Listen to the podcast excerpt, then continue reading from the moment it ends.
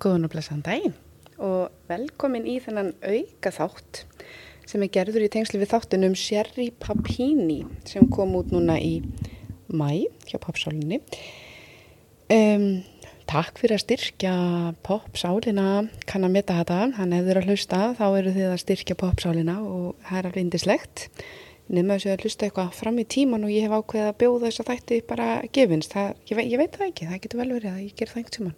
Þegar ég hef ekki tíma til þess að taka upp þátt. En um, þetta er sem sagt auka þáttur í tengslum við svona persónleika raskanir og sérstaklega narsisisma.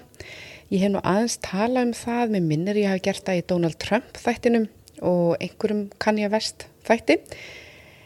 En hérna Mér langar kannski hans fyrst að segja stundum tölum við um sko narsisíska hegðun uh, annars vegar og svo personleika röskunina uh, hins vegar sem er sérsagt uh, narcissistic personality disorder eða svona sjálf hverf personleika röskun. Kannski er þetta á vitt þannig að manneski er kannski með nokkur einkenni uh, af narsisískri personleika röskun en ekki nótið þess að greinast þá myndum við kannski bara kalla það að manneskjan hafi einhver svona narsisísk hegðunar enginni án þess að hún greinis kannski með einhverja personuleika röskun.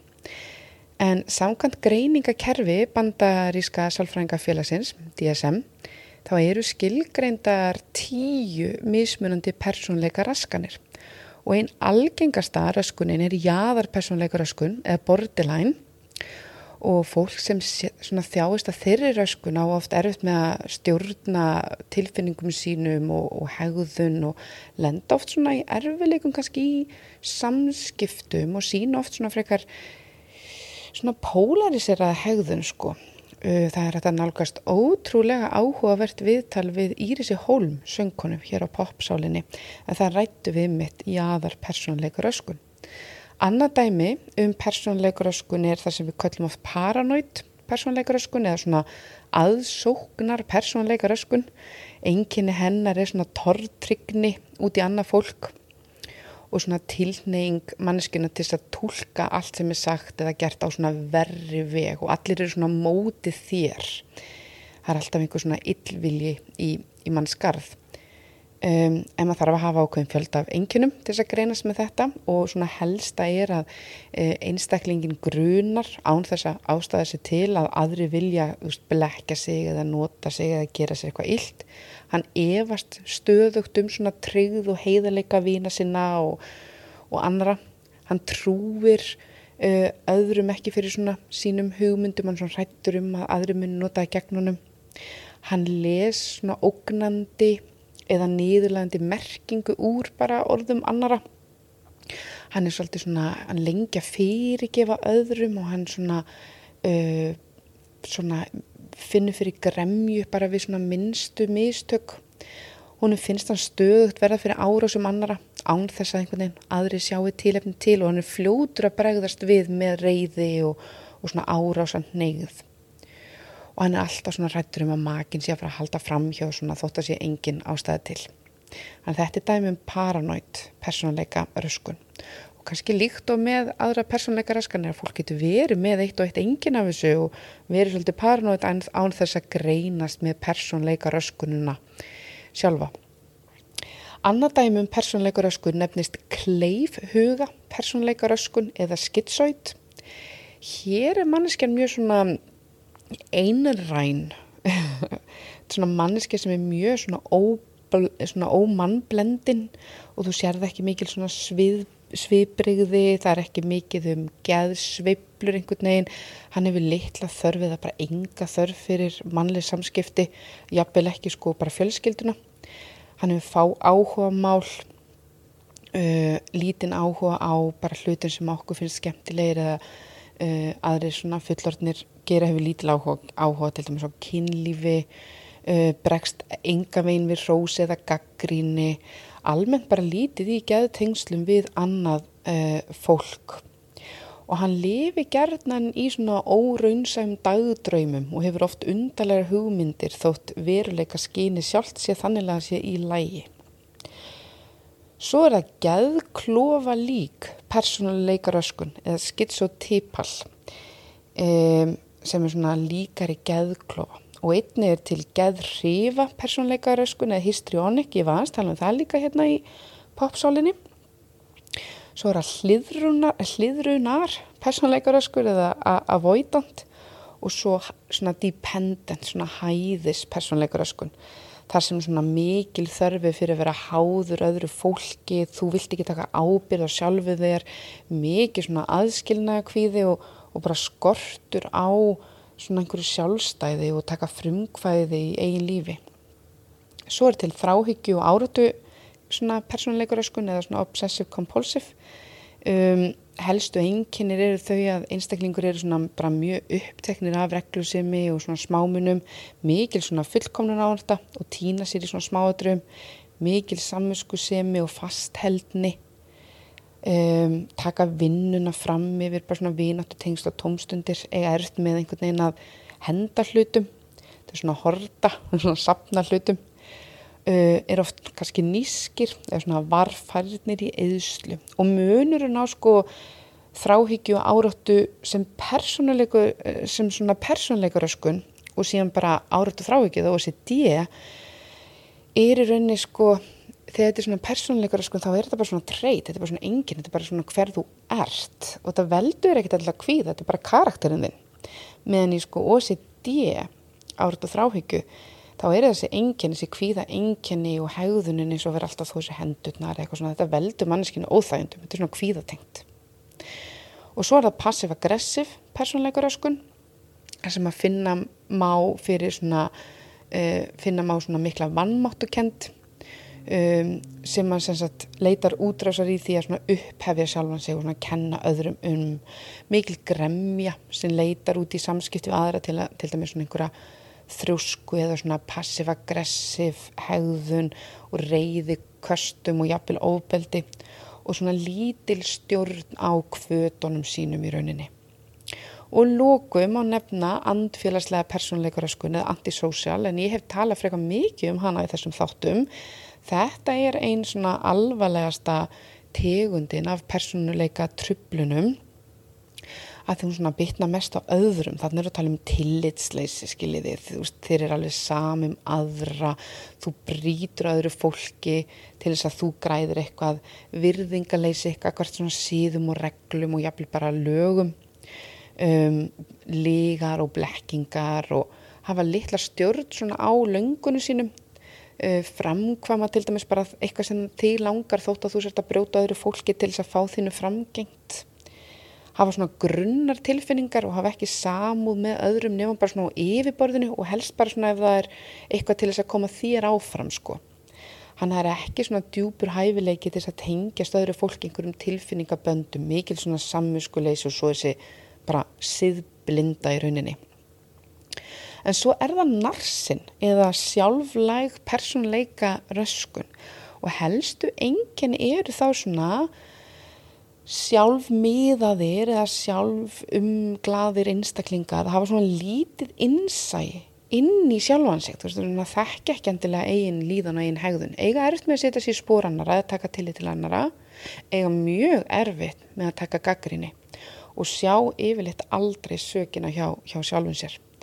Og þessir, sko þegar þessir uh, eiginleikar verða mjög ábyrjandi í farimanns sérstaklega er fann að trubla svona samskiptu annar fólk, þá myndum við flokka það sem persónleika röskun. Og tala er um að skipta megin narsisískum persónleika í fjóra flokka. Og fyrsti er eflust sá sem við þekkjum mest það er svona þessi sem er mest ábyrjandi við kallum á svona grandiós narsisist, þetta er gaurin sem er alltaf, þetta er betri en allir aðrir betri en næsti maður uh, bestur í öllu og, og, og bestur og flottastur sko. Næsti undirflokkur er svolítið svipaður en í rauninni sko hættulegri. Það er maglígnant á góðri hensku sem að þú ert svona brúta á einhverjum. Narsisist og þetta er svona gaurin sem að jú, hann heldur hansi betri en allir aðrir, alveg svo hinn en finnur í rauninni rúslega lítið til með öðru fólki.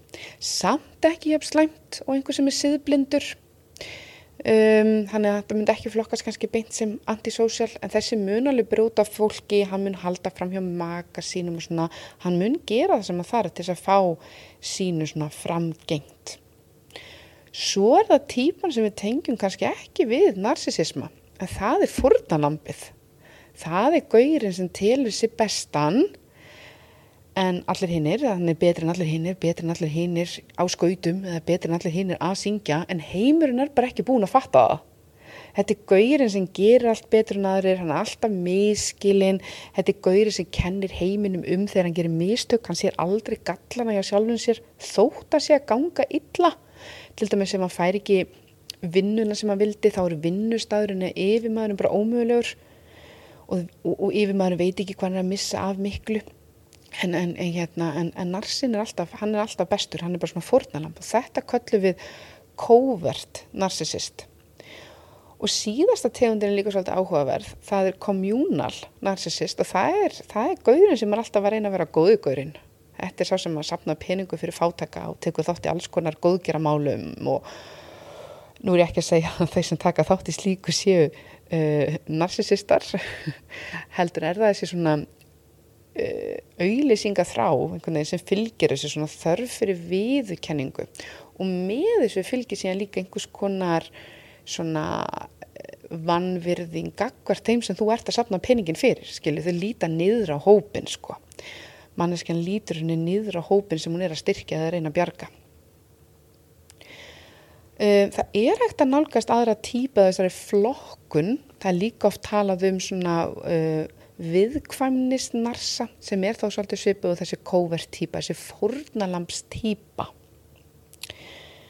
Ég ætla að posta rosalega áhugaveru viðtali við doktor Ramani sem er algjör sérfræðingur á þessu. Ég ætla að posta því á Facebook síðu popsálreinar og mæli mikið með.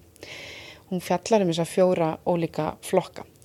En að lókum þá rakst ég á ótrúlega góðan pistil inn á vefsíðunni geðfræsla.is um persónleika raskanir sem gefur okkur smá insinn inn í hvernig þetta þróast. Þú ætla að koma smá input uh, eftir ég búið með pistilinn en sem sagt þar stóð reynsla okkar í lífinu ræður miklum það hvernig við bregðumst við aðstæðum okkar. Til að hjálpa okkur að skilja heiminn þá búum við til ákveði handrit sem hjálpar okkur að spá fyrir um hvað mun gerast næst og hvernig, við, uh, hvernig best er að bregðast við aðstæðum. Sem dæmum handrit er til dæmis að fara út að borða. Með reynslu þá höfum við komið okkur upp einhvers konar vittnesku um það hvað gerist á veitingastöðum. Handrit flestra er líklega einhvern veginn á þennan hátt við göngum inn, annarkort finnum okkur sæti eða býðum þar til þjóttnin kemur og vísar okkur til sætis. Við lesum matseðlinn og þjóttnin tekur pöntun hjá okkur. Maturinn kemur, við borðum, svo annarkort stöndum við upp til þess að borga eða þjóttnin kemur reikningin til okkar og við borgum hann við borðið. Flest allar veitingahúsaferðir eru eitthvert afbreyði að þessu og þetta gefur okkur ákveðna væntingar um hvað muni gerast ef við förum á veitingastað og hjálpar okkur að vita hvernig best er að haga sér. Ef við myndum síðan flytja annan menningarheim, þar sem að allt aðrar reglur væri við líði, þá erum við fyrst pínur ringluð og við vissum ekki alveg hvernig við ættum að hafa okkur. Ákveðinu svona árekstrar og vandræðilega upp á komur myndum mögulega koma upp en svona með tíð og tíma þá myndir einslokkar vera til þess að við myndum læra bara nýtt handrit. Því handriti sem við höfum komið okkur upp af heimsókn á veitingastað uh, snertir í flestum tilvikum ekki við því svona hver við erum. Veist þetta er ekki eitthvað svona okkar innsti kjarni. En hugsum okkur að við höfum á einhverju tímapunkti lært leikreglur og komið okkur upp handriti um mannleg samskipti. Og þetta handrit um mannleg samskipti er mögulega farið að valda núna endur teknum árekstrum. Það er erfið að takast á við það því það uh, hefur með það að gera hvað við erum, hvers konar mannesku við erum. Og það getur verið erfitt að viðkenna að eitthvað í okkar eigin fari, okkar persónleika sé að valda okkur erfileikum í samskiptu við annað fólk. Uh, persónleiki manna samanstendur af alls konar þáttum, til dæmis bara einhverju meðfættri bara skapgerð, uh, uppeldið okkar, samskipti við fóreldra okkar, samskipti við annað fólk og bara reynslu við lífið. Og það er í bernsku sem við lærum að þekkja okkur sjálf hver við, uh, hver við getum búist við öðru fólki og hvernig heimurinn er. Personuleika raskanir geta þróast þegar handritin okkar sem kannski hafa hjálpað okkur og verið nýtsamleg á einhverjum tímapunkti á æfinni eru það ekki lengur og þau eru farin að valda okkur vandræðum í bara samskipti við annað fólk. Við sjáum heimin ákveðin hátt og það hversu fast mótuð handreitin okkar og væntingar eru gerir það verkum að fólk sem þjáist af personleikaröskunum áttar sér ofta ekki á því að hegðun þess sjálfs viðbröðera við handreitum sem kannski eigilingu við geta verið að spila inn í samskipti og aðra. Með öðrum orðum upplifir fólk með personleikaröskun annað fólk bregðast, bregðast þeim aftur og aftur en hefur ekki nægilega innsægi inn í eigin röskun. Ítrek, ítrekkaði svona árekstrar þeirra við annað fólk eru afleðing handrita sem passa illa við raunveruleikan í dag.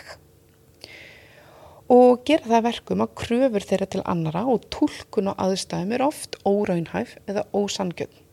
Manneski með persónleikuröskun er því líkleg til að lenda í samskipta erfileikum eða erfitt með að mynda tengslu aðra og þetta er bara mjög mikilvæg hlutir fyrir þetta, heilsu okkar og andlegt líf. Og einn algengasta eh, persónleikuröskunin er til dæmis jáðar persónleikuröskun eða bordilæn og fólk sem þjást að þessari röskun á oft erfitt með að stjórna tilfinningun sínum sem geta sveiplast frá því að vera bara í hæstu hæðum einhverju sælu vímu í algjöran kjallara á örfáum mínútum. Reyði, hræðsla, kvíði og hamingja og allt þar á milli getur komið við á einu degi, jafnvel á sama klukkutímanum. En fremur lýsir fólk með jaða personleikaröskun oft svona tómleika tilfinningu og lélegri sjálfsmynd. Það getur oft litast að því að fólki sem manneskinni er samskiptum við uh, hverju sinni. Veist þannig að uh, ég breyti mér eftir því, eftir því með hvernig ég er með. Og röskunni fylgir líka kvatvísi og oft svona áhættu hegðun eða sjálfskaðandi hegðun, innmannaleiki og hræðsla við að vera yfirgefin. Um, fólk með persónleika röskun á oft í sveiblu kendum og öfgakendum samböndum með annað fólk og á erfitt með að sjá öfgana á milli þegar kemur öðru fólki. Þeir sem fólk uh, með jáðapersonleikaraskun umgangast verða því annarkort að englum eða djöplum eftir því bara hvernig manneskjan með röskununa tólkar aðstæður. Og oft á fólk með þessa röskun mjög erfitt með að viðhalda þá svona góðum, nánum og stöðum samskiptum með annað fólk. Og til að hægt sé að læra bara nýtt minnstur eða bara nýtt handrit er mikilvægt að átta sig á því hvað maður getur sjálfur gert til að breyta uh, sjálfum sér og aðstæðum sínum. Uh, því er eitt bara svona grundvallar atrið í meðferð við persónleikuröskun er að auka þetta innsægi, að manneskjan hafi innsægi inn í eigin vanda. Að það gefur okkur frelsi til að breyta einhverju sem var áður bara algjörlega óbreytanlegt og svona að auka stjórn og valda á eigin lífi uh, með því að læra nýjar aðferðir og, og svona verkfæri til að takast á við lífið. Höfundur þessa teksta um, sem finna má á þessari heimasíðu sem ég nefndi er Lilja Sif Þorstirsdóttir Salfrængur og mér fannst þetta bara lýsa mjög vel öllu þessu ferli og gaf mér bara svona uh, meiri einsinn inn í persónleika raskanir almennt og persónlega þá finnst mér persónleika raskanir mjög, mjög áhugaverðar. Kannski svona sérstaklega því þetta er ekki beint uh, eins og aðra geðraskanir.